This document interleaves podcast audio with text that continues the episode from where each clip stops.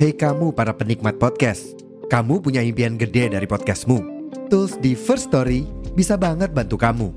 Mulai dari F-Link, Dynamic Audio Insertion, sampai statistik yang komprehensif, semua ada di First Story. Gak ketinggalan, kamu bisa monetisasi podcastmu lewat iklan dari First Story Ads yang bisa kasih kamu penghasilan dari setiap place podcastmu. Yuk gabung sekarang dengan klik di firststory.me. Sekali lagi, di firststory.me. Mari kita bawa mimpi podcastingmu menjadi kenyataan.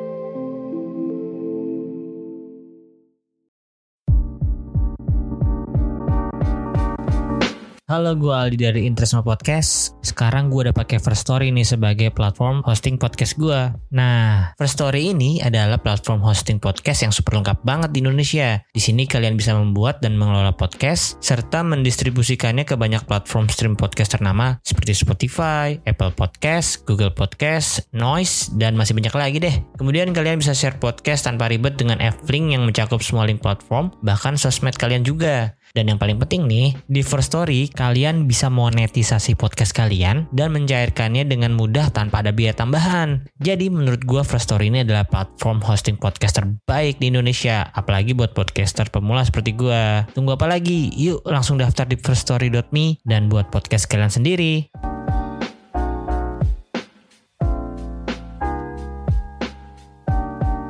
Kemenangan kemarin membuka awal yang baik di bulan Februari untuk Inter musim ini ya. Karena di musim ini Inter akan mengalami jadwal yang cukup padat. Ada 6 pertandingan. Kemarin udah lawan Juve menang 1-0 terus besok akan melawan Roma kemudian lawan Salernitana. Setelah itu akan bermain di kandang. Terlebih dahulu di UCL melawan Atletico Madrid. Kemudian main kandang melawan Lecce. Dan tanggal 29 nya akan memainkan pertandingan tunda melawan Atalanta di Giuseppe Meazza. Ya sebenarnya Februari ini terkadang menjadi bulan yang menakutkan untuk Inter ya karena kita tahu di musim 2021-2022 itu Inter aduh bisa dibilang sangat terkeok-keok lah di bulan Februari. Intinya gue berharap Februari ini tidak jadi bulan yang menyedihkan tapi akan jadi bulan yang membahagiakan juga untuk fans-fans Inter di seluruh dunia. Apakah Inter bisa menyapu bersih di bulan Februari?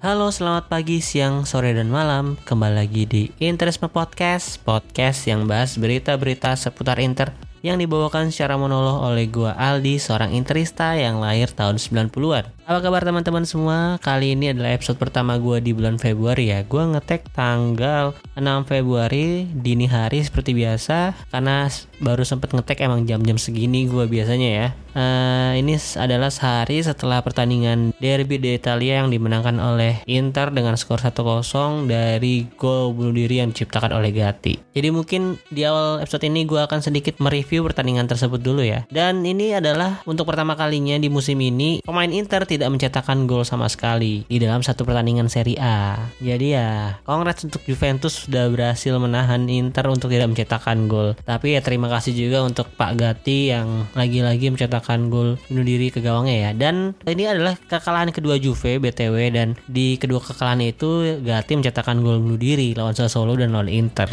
nah, menurut gue ini adalah hasil yang sangat baik pastinya karena Inter sudah berhasil mendapatkan setidaknya satu kemenangan. Jadi akan berguna untuk head to head ya. Nanti kalau di ujung di akhir musim uh, poinnya agak tipis-tipis udah ada udah ada head to head yang bagus lah gitu. Maksudnya di, udah menang di head to head gitu. Karena lawan Juve udah udah satu kali seri satu kali menang. Lawan Milan udah, udah menang juga. Napoli udah Lazio udah Roma juga udah Atlanta juga. Jadi melawan tim-tim potensi Scudetto sudah setidaknya menang satu kali. Dan kalau bisa nanti pertemuan kedua bisa menang lagi amin. Kenapa gue bilang penting? Karena ya uh, head head to head menurut gue akan sangat berpengaruh ketika nanti di akhir musim di uh, Giornata 36 37 8 itu Inter lebih punya apa ya bahasanya ya lebih punya advantage gitu. Karena ya kita sendiri udah jadi korban ketika di musim dua musim lalu ketika Milan yang juara yang radu blunder itulah ya. Maksudnya di pertandingan terakhir itu kan sebenarnya Milan eh, kita masih bisa berada di atas Milan jika Milan kalah doang. Kalau Milannya masih seri Internya menang, tetap Milan yang juara karena Milan unggul head to head karena Inter tidak pernah menang melawan Milan di season tersebut. Nah, jadi sekarang Inter udah punya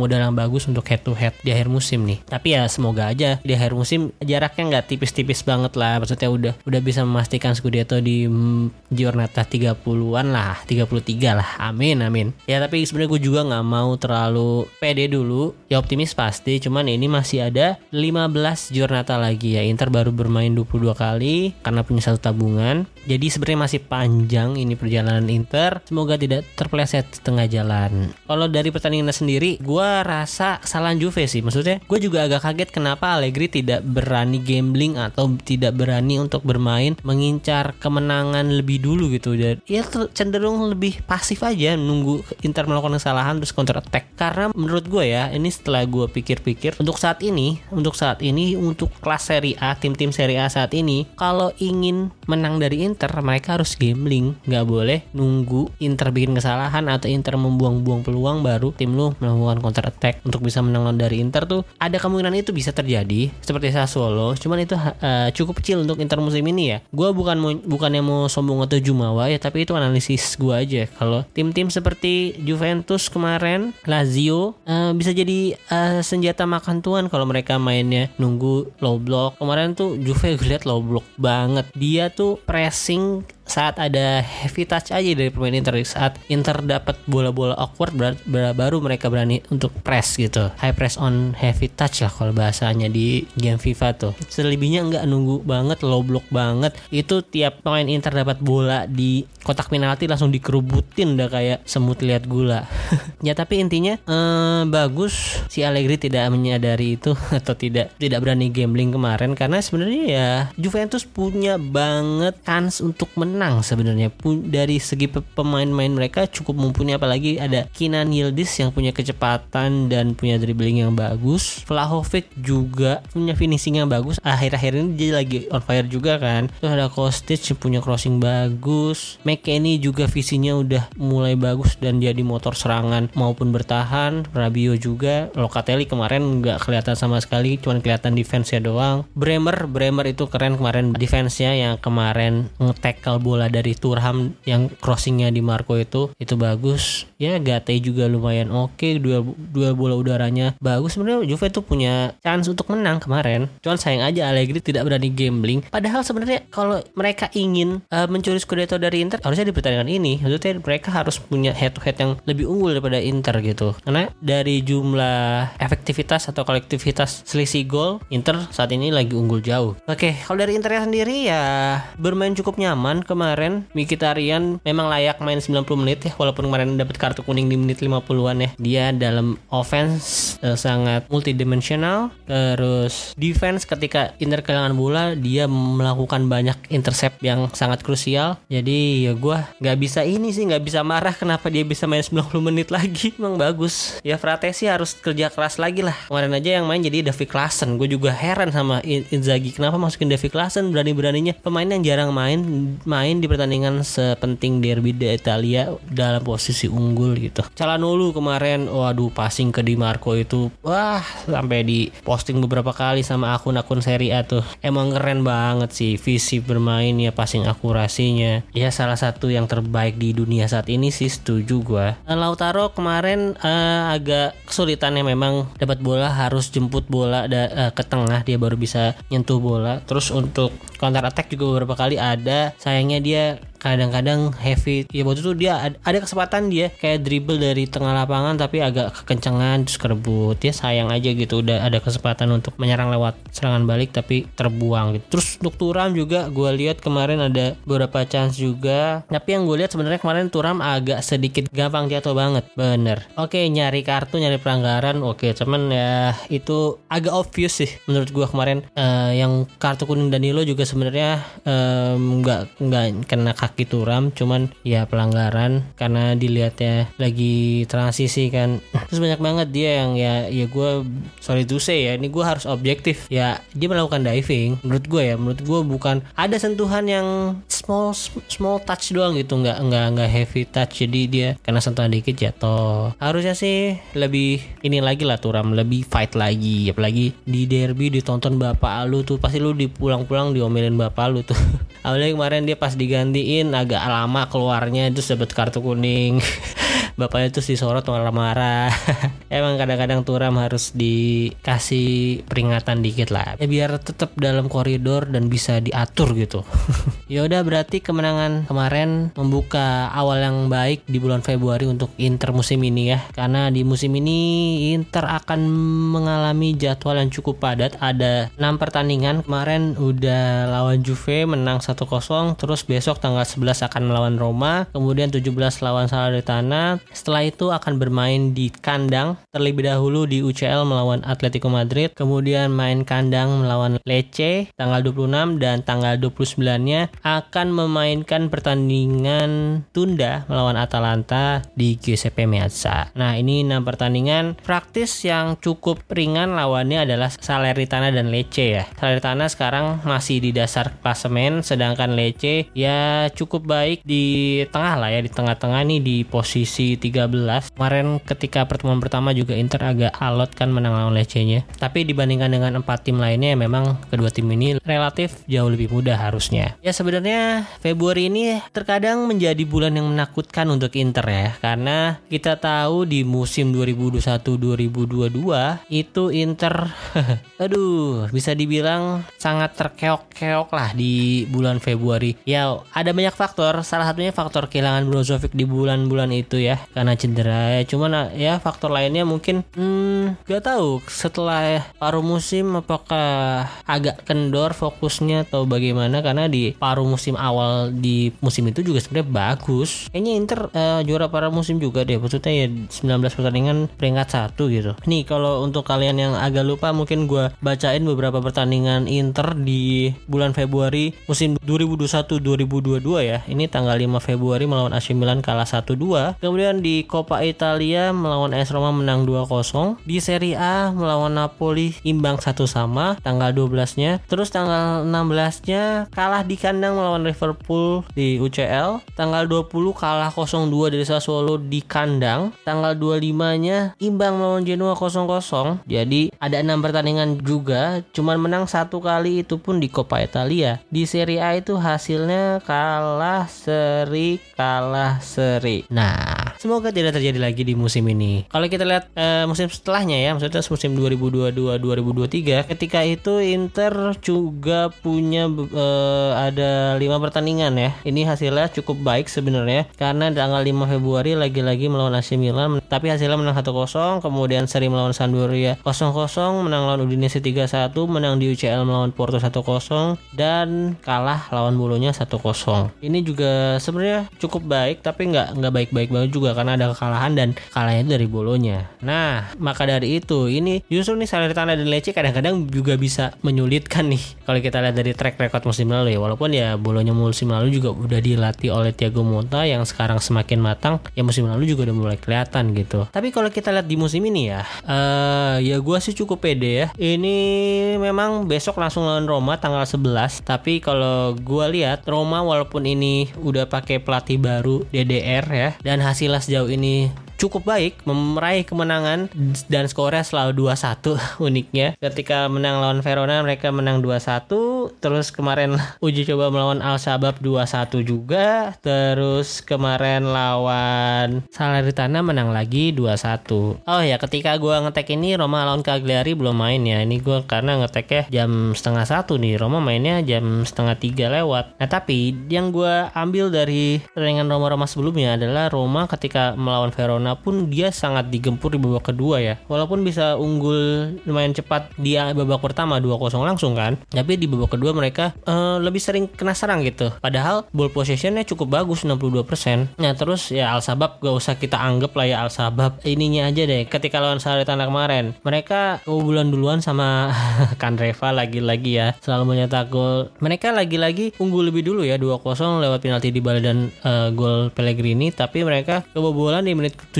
habis itu. Dan lagi-lagi walaupun possession 62% lebih banyak tapi shoot on target Salernitana sebenarnya lebih banyak ke kemarin. Attemptnya sampai 15, on targetnya 7 gitu. Ada masalah maksudnya ya secara taktikal dalam mencetak gol memang ba cukup baik Roma tapi ini belakangnya menurut gue masih agak rentan ya karena kan ini ya gue nggak tahu sih uh, kan DDR memang mainnya 4 back lah ya 4-3-3 biasanya dan Mourinho juga lebih sering pakai 3 back walaupun kadang-kadang 4 back juga. Mungkin masih harus ada beberapa adaptasi lagi dari pemain-pemain belakangnya Roma. Tapi ya menurut gue harusnya lawan Roma masih bisa lah menang ini. Ya Roma saat ini lagi menang-menang terus karena ya memang lawannya lagi mujur aja gitu. Lawan Verona lawan Salernitana terus habis ini lawan Cagliari gitu. Jadwal lagi oke. Okay. nah ujian DDR ya sebenarnya nanti lawan Inter gitu. Kemudian untuk match selanjutnya Inter akan ketemu dengan Salernitana nih. Nah ini menarik juga tanggal 17 Februari. Akan ada derby de Inzaghi. Ya di mana setahu gua rekornya yang jelas udah pasti lebih baik Simone Inzaghi ya kalau udah sebagai pelatih gitu. Gua nggak tahu Simone udah pernah kalah dari Filippo atau belum cuman gua rasa winnya pasti lebih banyak Simone. Dan bermain di kandang ya Inter harusnya bisa lebih dominan. Apalagi kemarin main pas main tandang pertama-pertama bisa 5-0 kan ya kalau nggak salah 4 atau 5-0 gitu. Tapi ya semoga semoga pertandingan ini udah unggul 2-0 langsung ada rotasi karena di tengah pekannya akan melawan Atletico Madrid walaupun bermain di kandang cuman ya menurut gue ini harus agak difokusin juga nih karena setelah ini abis, abis lawan Atletico tuh le lece ya jadi agak agak bisa pakai rotasi lah. Nah ini uh, Inter harus mencuri kemenangan lah seenggaknya di kandang karena ketika main di Wanda Metropolitano Metropolitan Wanda Metropolitan pasti akan lebih sulit. Dan menurut gue not bad kalau misalnya cuma ngincer seri doang ketika main di tandang lawan Atletico ya. Jadi harus menang seenggaknya. Selisih satu gol menurut gue bisa menang 2-1 sih. Nah terakhir adalah pertandingan cadangan atau pertandingan tunda Inter lawan Atalanta. Dan lagi-lagi mainnya di kandang ya. Setelah sebelumnya itu main di kandang lawan Lecce ini main di tandang lawan Atlanta yang saat ini formnya lagi cukup bagus. Charles De Ketelare juga lagi gacor banget. Skamaka juga udah mulai pulih cederanya bisa mengancam gitu. Ini juga uh, pertandingan yang agak tricky tapi bisa lah. Gue lupa deh Atlantanya juga uh, abis main juga kan. Maksudnya sama-sama punya ada faktor kelelahan sama-sama juga gitu. Atlanta juga main di uh, Europa League terus interview di UCL terus mereka sebelumnya juga main di akhir pekan di Giornata sebelumnya sebelum mainkan laga tunda kan. Kalau dari sisi gue ya, uh, ini kan ada sisa lima pertandingan lagi ya kan. Tadi lawan Juventus udah berhasil menang. Ini feeling-feeling gue akan menjadi Januari yang membahagiakan untuk Inter musim ini. Semoga ya, amin. Uh, menurut gue bisa menang lawan Roma, menang lawan Salernitana, lawan Atletico menang tipis banget dan sulit banget pastinya. Lecce menang tipis juga karena agak agak ada kelelahan, faktor kelelahan dan Inter agak sedikit berotasi dan gue harap nih Tajon Bukanan yang belum main-main dimainkan di Salernitana atau di Lecce nih. Gue berharap banget untuk rotasi lah ya sengganya. Terus lawan Atlanta kemungkinan kemungkinan akan mendapatkan hasil seri. Ini menurut gue untuk total Februari gue optimis bisa 5 kemenangan satu draw sih. Ya semoga aja amin. Prediksi gue benar ya. Ini ya gue prediksi berdasarkan ya hasil pertandingan beberapa tim lawan Inter tuh di tanggal 6 Februari ini. Gue nggak tahu nanti ketika di pertengahan Februari ada perubahan apa atau Internya amit-amit ada pemain yang cedera juga. Sebenarnya jangan sampai gitu. Ya faktor itu belum gue perhitungkan saat gue ngetek podcast ini ya. Tapi intinya gue berharap Februari ini tidak jadi bulan yang menyedihkan. Tapi ya sebagai sebagai bulan yang penuh cinta akan menjadi bulan yang membahagiakan juga untuk fans-fans Inter di seluruh dunia. Amin sekali lagi. Itu menurut gua, kalau menurut kalian gimana? Apakah Inter bisa menyapu bersih di bulan Februari atau akan ada beberapa kekalahan? Kalian boleh tulis analisa kalian, prediksi kalian di kolom komentar podcast gue ini ya. Nah, ini ada berita yang menarik lagi. Maksudnya ada announcement yang menarik lah. Karena podcast gue, Interest Podcast sudah bisa didengarkan di YouTube sekarang. Nah, kalau kalian yang saat ini dengerinnya di Spotify atau di Noise tapi uh, kurang serak dengan aplikasinya atau kalian yang lebih suka dengerin dari laptop dari komputer sambil kerja kan kalau Spotify sama Noise biasanya lebih enak dari HP ya. Kalau YouTube lebih enak dari PC atau laptop gitu. Nah kalian bisa dengerin di YouTube juga. Ya cari aja pakai Interisme Podcast saja di situ semua episode sudah ada dari episode yang sebelum-sebelumnya sampai yang terbaru. Episode kali ini udah ada. Jadi kalian dengerin di mana aja deh pokoknya terserah. Mau kalian udah dengerin di Spotify terus dengerin lagi di YouTube boleh banget. Karena every listen is uh, meaningful for me lah. Pokoknya sangat berharga buat gue sangat berarti buat gue walaupun adsense yang nggak banyak kalau dari podcast ini cuman sebagai apresiasi aja gitu buat gue kalau episode gue banyak didengerin gue semakin seneng dan semakin semangat lagi untuk bikin episode-episode baru. Karena ya saat ini. Mohon maaf banget lagi-lagi gue mohon maaf kak. Interisme Podcast agak sedikit berkurang nih ininya episodenya dibandingkan demungan musim lalu. Wah jauh banget musim lalu. Gue total episodenya 40-an ini gue baru episode ke 17 uh, ya masih bisa gue catch up cuman agak sulit karena ada beberapa konten juga yang harus gue kerjain ada beberapa jadwal juga. Tapi kalau kalian mau dengerin gue di tempat lain juga bisa. Gue ada di Optis gue ngobrolin seri A bareng teman-teman gue Reza dan Rangga itu seri A nya agak agak agak side stream lah ya nggak bukan tim-tim besar seperti Milan Juve Inter Napoli. Lebih sering bahas tim-tim kecil kayak ya mediocre lah Monza, Fiorentina, Sassuolo, Atalanta, Empoli, Rosinone gitu-gitu. Untuk nyari sisi bedanya aja. Karena kalau yang sisi mainstream ya akan gue bahas di YouTube-nya Pinball di pinsport.com ya nama channelnya. Tapi kontennya namanya Pinball opini football. Nah di situ gue ada YouTube-nya ada videonya gitu. Itu tayang setiap minggu pasti akan membahas reka prediksi dan juga ada episode eksklusif di mana akan mengundang komunitas-komunitas pecinta seri A dan juga public figure yang tim jagoannya ada tim seri A. Oke jadi gitu aja untuk episode kali ini. Terima kasih untuk teman-teman yang sudah mendengarkan. Arif Widerci Forza Inter